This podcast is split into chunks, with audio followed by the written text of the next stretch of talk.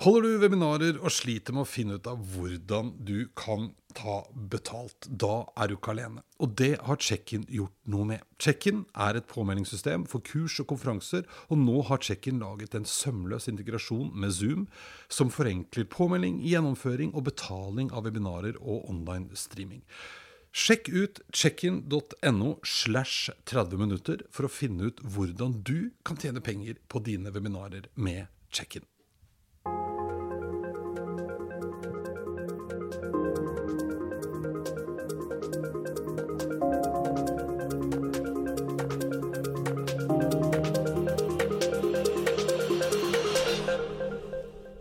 Dag så skal vi en tur til verdensrommet. Vi skal snakke om Mars og teleskoper og rovere og droner, og hva man faktisk holder på med der ute. Dette er altså en litt annerledes episode. I dag har jeg besøk av en astronom og foredragsholder, Vegard Lundby Rekop.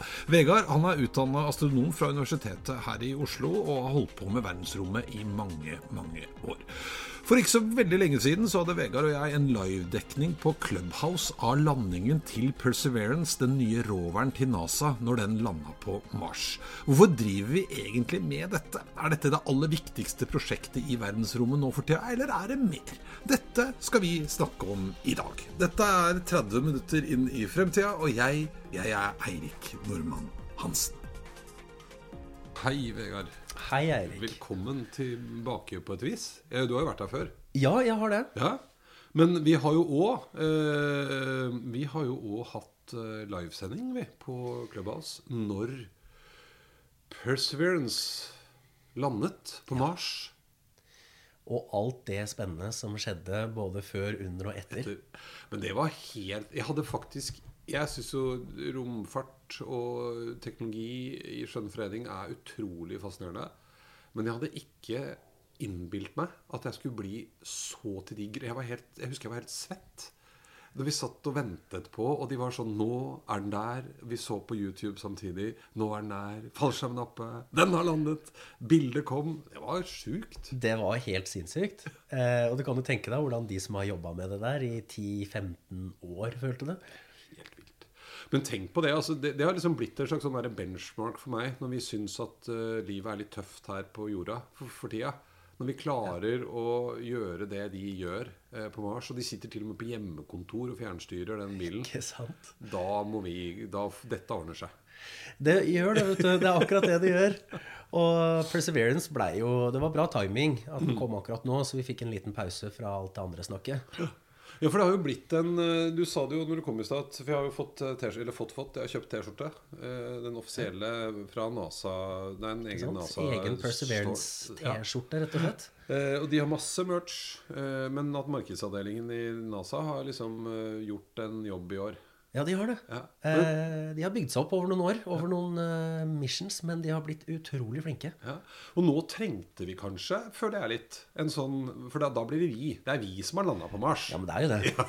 det er vi, vi var med. Vi var med, Men vi, vi nordmenn har jo ekstra grunn til å slå oss på brystet, faktisk. For det skal man jo ikke kimse av. Nei, vet du, det er jo helt fantastisk. Vi har både en norsk georadar, eh, en liten dings som kan se ned i steinene, eh, og en helikopterpilot. En norsk helikopterpilot. Det er sjukt. De skal fly drone på Mars. Det det er nå snart. Det så jeg, det er ikke lenge til. De driver og forbereder første flighten. De gjør det. De har funnet hvor de vil fly. De har valgt eh, sånn røfflig dato. Det blir like etter 1. april en gang. Ja. Det, det er sjukt. Men det er nordmann. Det morsomme, vet du, det husker jeg ikke om jeg sa til deg sist, men eh, jeg drev et lite designbyrå som het Itch Design, som var eid av Akando. Og Akando kjøpte Å, nå husker jeg ikke hva det heter for noe. Og et annet selskap som heter Inventas. Men en gjeng som driver med sånn FPGR-programmering. Mm? På- Ja. Og de har levert øh, ting til Ja, de det. den roveren. Ja. Via da er det sikkert Kongsberg-gruppen. Ja, det tror jeg stemmer. Ja. Det her er jo det er sånne ting vi ikke skjønner hvor stort kan bli når Norge blir med på sånne medlemskap. Ja. Men det er jo da en eller annen avtale noen i norske statsapparatet har klart å få til. Og så kan sånne luringer, sånn som de som har bidratt nå, da, si at vet du hva, jeg, jeg har en kul idé. Kanskje, kanskje NASA er interessert i den? Det er helt vilt. Ja, fordi det var et lite, en del av, eh, hvis jeg ikke husker helt feil, eh, noen form for styringssystem. Om det var av noe solcellepanel eller Jeg husker ikke helt. Men det var altså en, en komponent som er med på å styre noe greier inni den roveren. Som de, og det er en gjeng altså det er en gjeng som sitter på, på, i Asker, tror jeg. Stemmer det. De sitter i Asker og programmerer ting og har levert greier som nå er på Mars. Som er på Mars. Men det du er inne på der nå, det er egentlig noe av det som er mest nytt og annerledes med Perseverance. da. Det er jo alt det den gjør sjøl. For den har jo nå endelig vist at du kan sende ting vekk fra jorda til en annen planet. Og så er det logikk og koder på maskina, på roboten, som bare fikser ting. Og, ja, for det, Du fortalte jo det, og det syns jeg er kult. For det, det er jo veldig ofte sånn når vi snakker om kunstig intelligens blant annet, da, ikke sant, her på jorda, og så blir man alltid sånn Ja, ja, for de har lagd noen sånn chatboter, og de skjønner jo ikke en dritt. Så det er, ja. Mens Perseverance og landingsfartøyet, det landet faktisk selv. Det hadde uh, kart, og det hadde, tok bilder underveis, analyserte grunnen. Uh, stilte seg inn, fløy ned og landet selv. Ingen som satt her og styrte den prosessen. Det var en forhåndsprogrammert og korrigert underveis. Ja. Så erta berta. Ja, det funka òg, vet du. ja, ja, som det grein etter. Ja. Ja. ja, det er kult. Men, men hva betyr Altså, nå er vi der. Og hovedoppgaven til roveren på Mars nå, det er jo bl.a. for å se om de finner spor etter liv, rett og slett. da Altså Ja. biologisk materiale. Den, eh, den jakten fortsetter jo. Ja. Det er jo nesten eh, vært viktigste grunnen. Men nå begynner det å bli veldig mye biologi og geologi. Eh, når du snakker, eller hører forskerne snakke om eh, hva den er der for, så er det jo veldig lite astronomi, egentlig. Ja. Fordi, for det der den landet, i dette krateret, det er jo da et sånn elve, gammelt elvedelta. For det veit man. Ja, det det har vært vann der. Ja, det er to svære elver som kommer ned i, og møter hverandre, eller møtte hverandre der. Og der antar man at eh, sånn erfaringen fra jorda er at da er det mest sannsynlig å finne spor av organisk materiale. Men det er liksom én ting.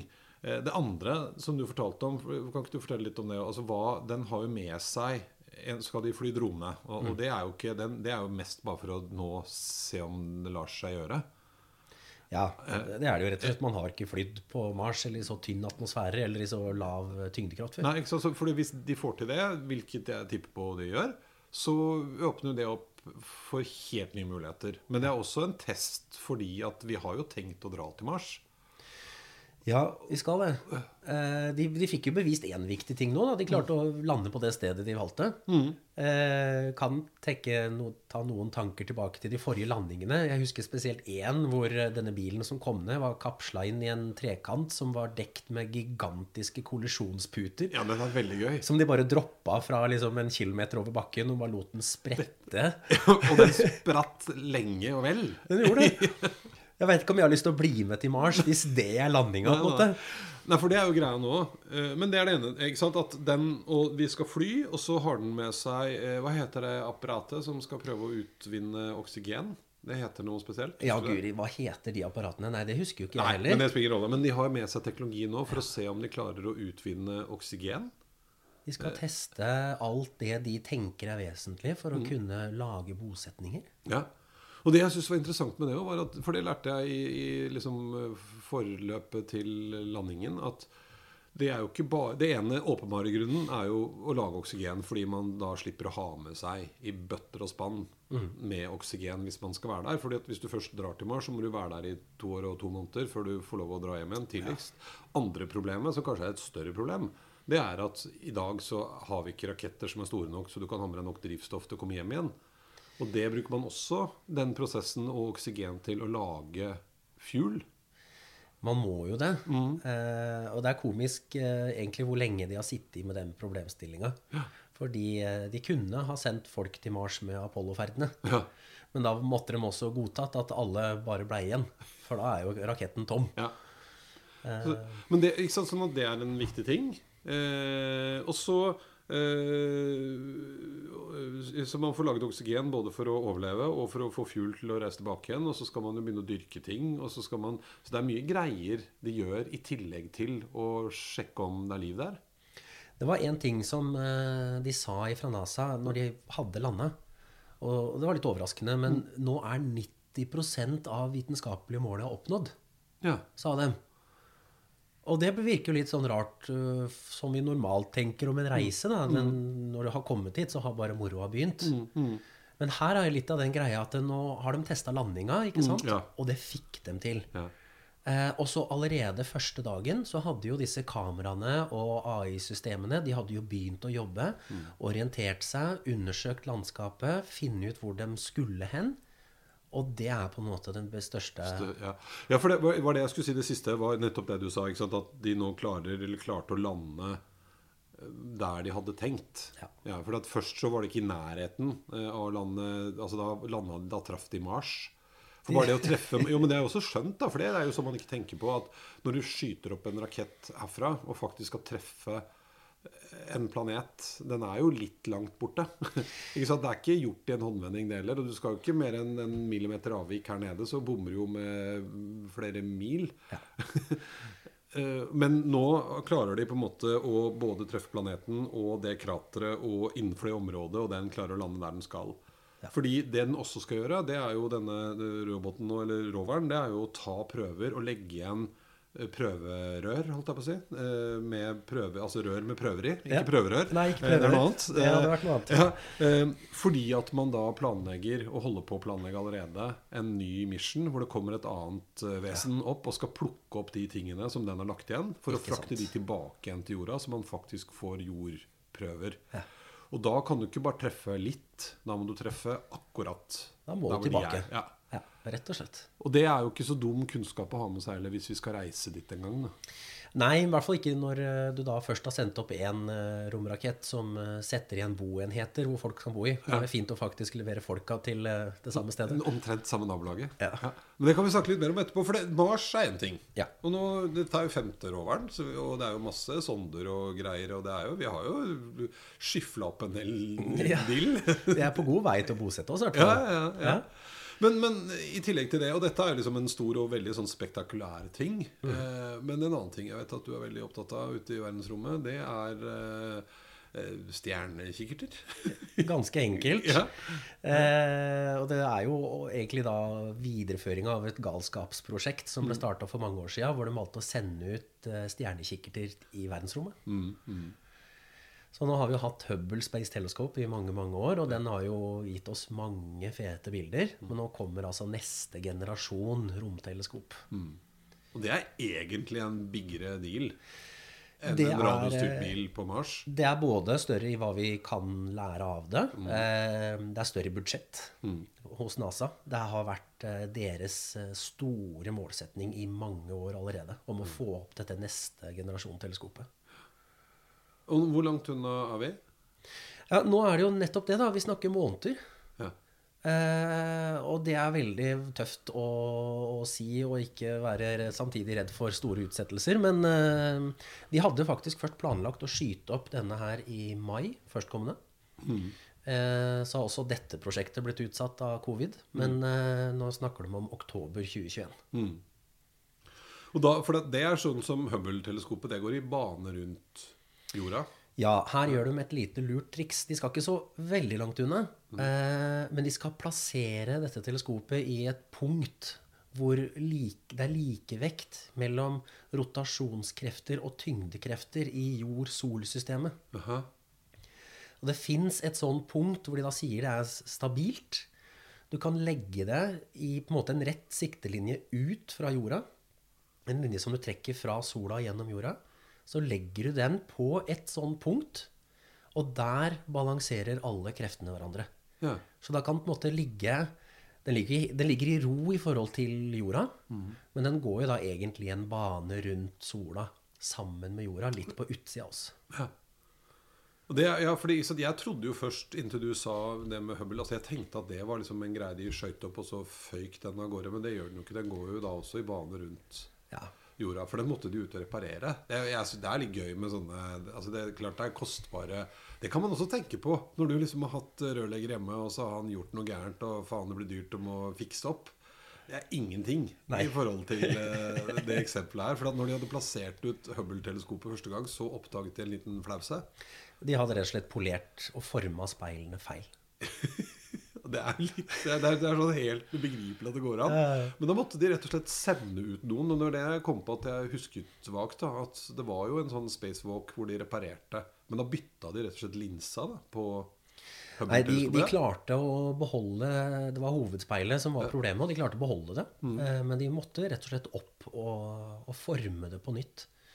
Så du kan jo si det er litt av en dag uh, på, jobb. jobben. Ikke bare skal du drive spacewalk, som er utfordrende nok i seg sjøl, men det skulle i tillegg være glassmester.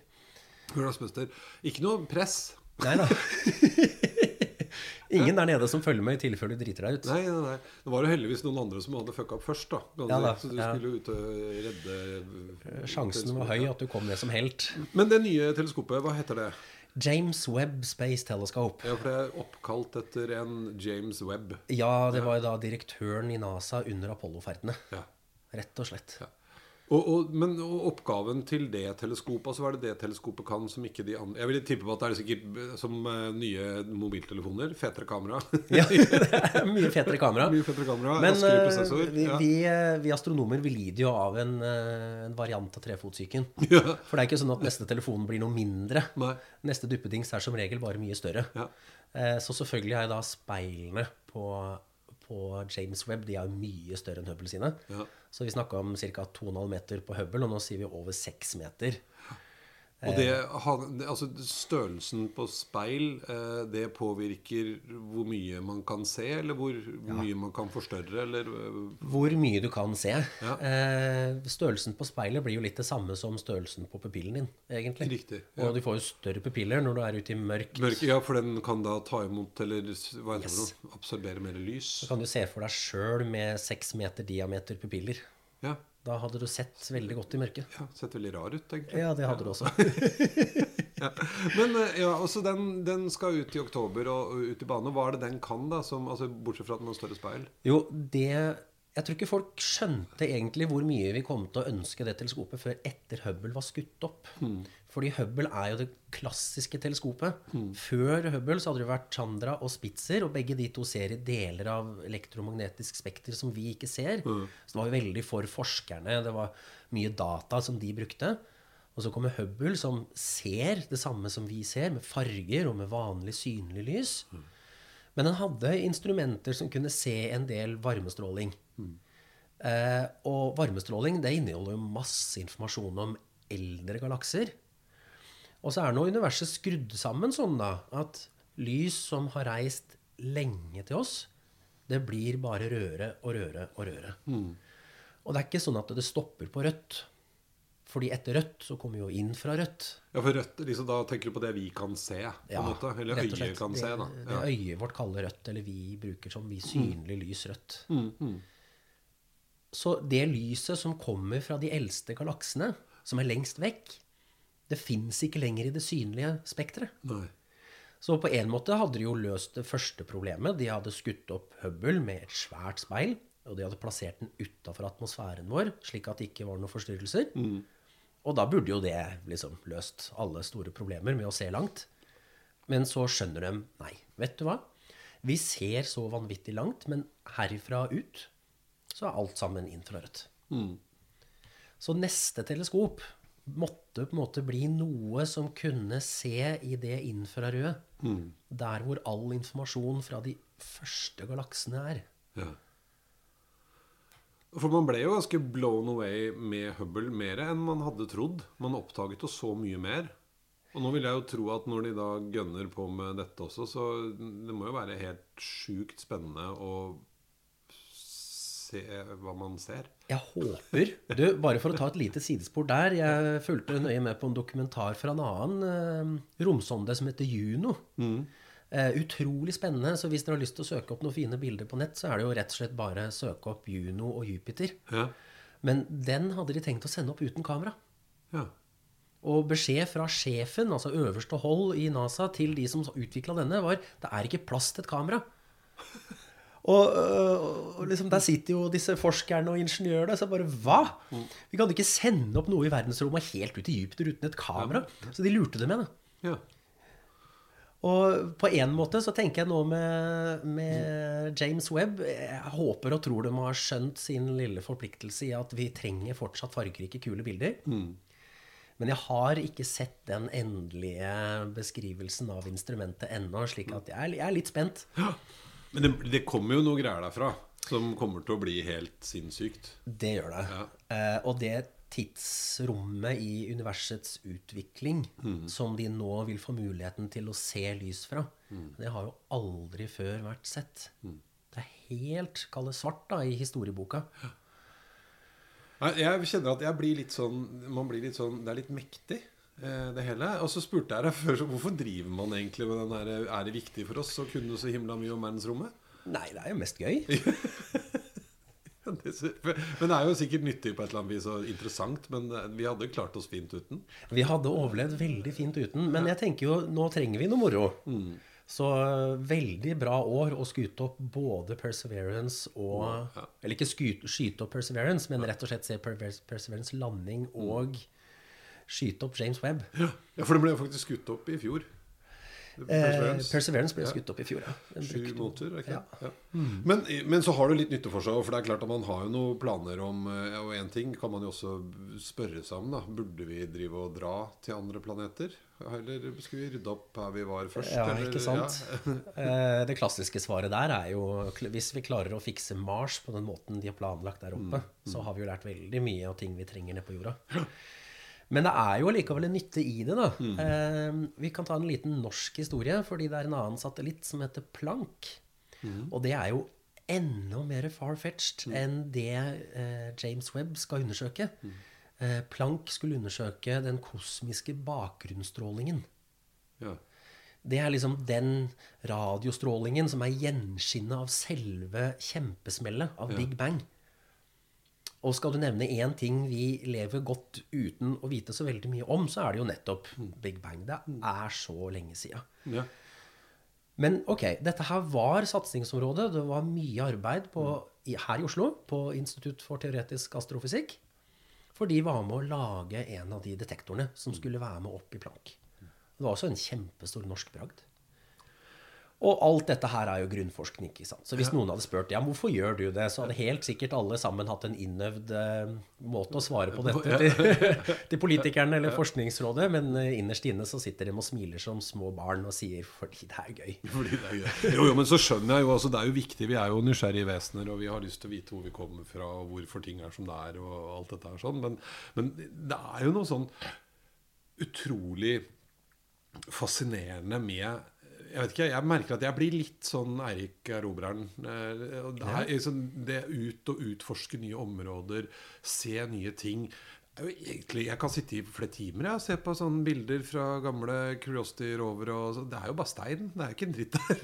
Det er kjempespennende likevel. Det er jo det, og jeg tror den kunnskapen den har vi stor glede av. Mm, Men akkurat i det eksempelet med Planck, så fant de jo nytten av hele den innsatsen seinere. Ja. Fordi når de da hadde gjort ferdig dette romprosjektet, så satt de der med tegningen til et nytt og kult instrument, så var det noen som så at ja, men dette her ligner jo veldig på et mammografiapparat. Ja. Kan ikke vi bygge den om litt? Og så er det det som da har danna kjernen i neste generasjon mammografiapparater. ja. Og det er jo nyttig. Det er kjempenyttig. Det var kanskje litt rar ende å begynne i, med sånn satellitt. For det var omvendt. Mammografi. være. Jøss, kanskje vi kan bruke det på verdensrommet òg. Ja. Nei, men, men, men eh, Så skal man utforske masse nytt uh, teleskop, og det er jo spennende, og man kan lære masse. Men, men jeg vil liksom tilbake igjen til Mars og andre planeter. For Mars er én ting. Der er vi. Det er tøffere ting rundt. Vi har jo vært på et par andre Det står noen sonder på eh, et par andre planeter òg, gjør det ikke det? Det står sonder på, på Venus. Ja.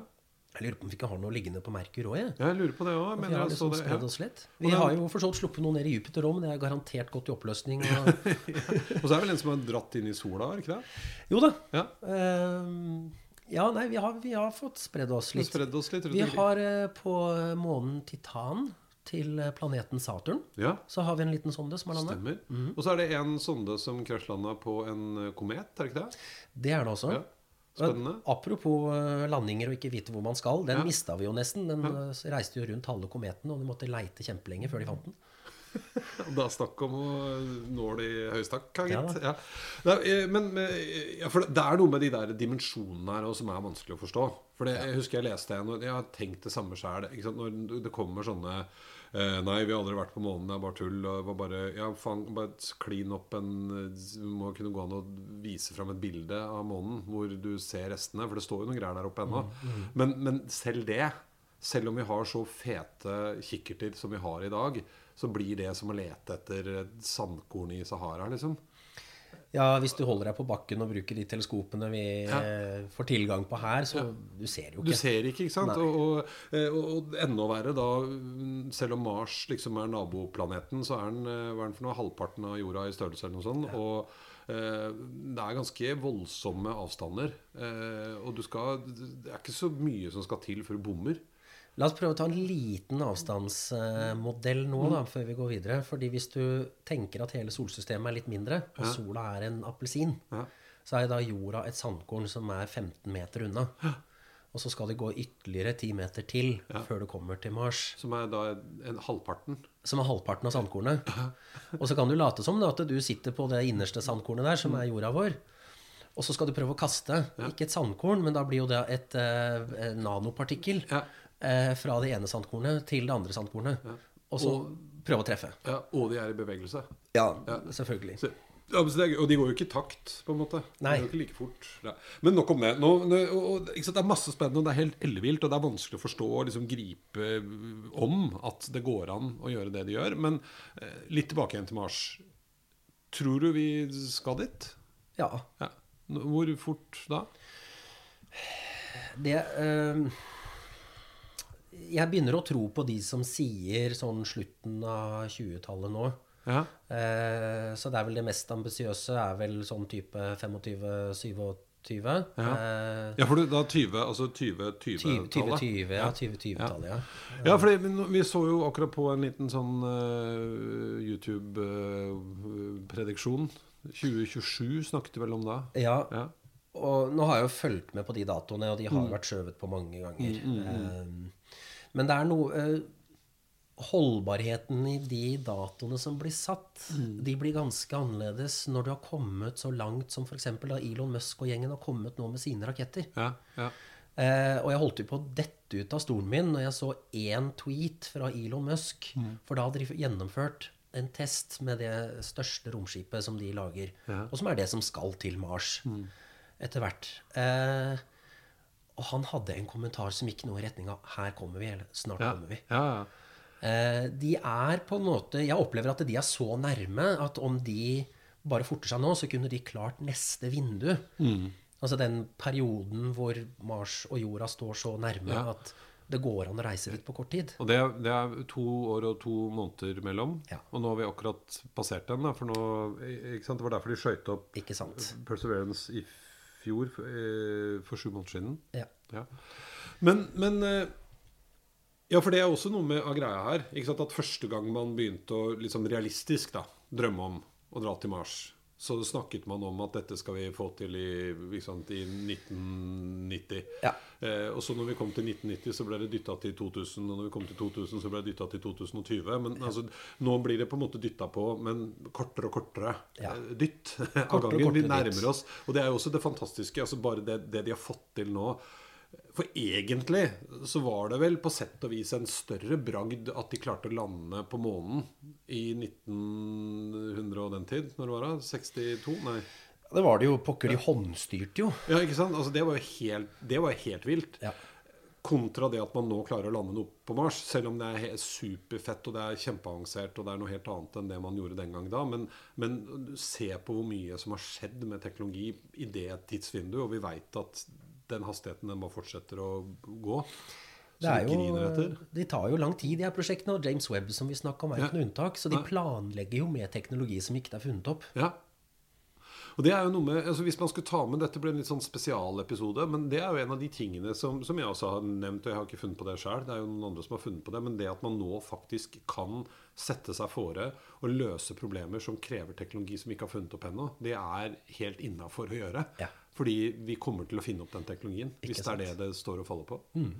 Men øh, vi drar til Mars, øh, om ikke nødvendigvis du og jeg. Har, du- har du lyst til å dra til Mars? Ja, nå begynner det å friste, det. Ja, det Eh, når jeg fikk de spørsmåla for ti år sia, så var jeg ganske klar nei. Mm. Eh, nå er det jo veldig mange brikker som har falt på plass. Ja, ja. Nei, jeg kjenner at jeg tror jeg hadde sagt ja. Jeg vet ikke hva jeg Du vet, du hadde jo muligheten til å melde deg på en enveisbillett med Mars One-prosjektet, Erik. Ja, Skulle men det, og det skjønte jo jeg jo til og med, at kanskje ikke var helt realistisk. Eh, Reality-TV på Ja. Mars. Det sier jo noe om altså, øh, mennesker. Igjen da, tilbake igjen til den der trangen øh, enkelte har for å oppdage ting. Man er faktisk villig til, i hvert fall i teorien, da, å, å ta den øh, Ikke sjansen engang, men her var det jo en, en, en enveisbillett. Ja. Og folk sa jo ja. Det er noe grunnleggende med nysgjerrigheten i å utforske det ukjente, altså. Men, men tilbake til det. Altså, da, vi, så det er vel læringen her. Men, men det man lærer av det vi driver med der ute, altså det å kunne nå om innen egentlig overskuelig fremtid faktisk flytte til en annen planet, er ikke lenger eventyr og science fiction. Det er høyst realistisk og antagelig mulig i løpet av de neste Ja. i hvert fall 20-30, i hvert fall 50 åra. Ja, det er akkurat det der. Og det er ganske sykt å tenke på. Men eh, Ja, den eh, stjerneraketten den fyker opp da nå etter sigende i oktober. Ja. Den kommer vel ganske fort på plass, denne, for den skal ikke reise så langt. Nei, den bruker to uker Ja. uh, ut til dette punktet, det lagranske punktet som han skal ligge i. Og der kommer den til å ligge i eh, ca. seks måneder før den er tilstrekkelig nedkjølt. Den kommer jo med varme fra jorda, og verdensrommet er en perfekt isolator. Så den ligger jo måte litt sånn i hvilemodus og tester systemene sine og sjekker at alt er på plass. Og så er det bånn gass fra Det blir jo da fra våren igjen, da, om et år. Det er sjukt. Men du, før vi avslutter nå, altså en liten tur tilbake igjen til Mars. Jeg pleier jo vanligvis å spørre folk om hvordan de tror verden ser ut i 2030. Men hvordan tror du Mars ser ut i 2030? Det sitter en liten uh, håndfull forskere eller astronauter der oppe og prøver å finne ut av åssen man skal få disse modulene til å funke slik de må. Det er fett. Det er helt fett. Det er kjempekult. Tusen hjertelig takk for besøket. Selv takk, Eirik. Veldig hyggelig å være her. Vi må gjøre mer eh, om verdensrommet. Ja, det tror jeg nok. Takk.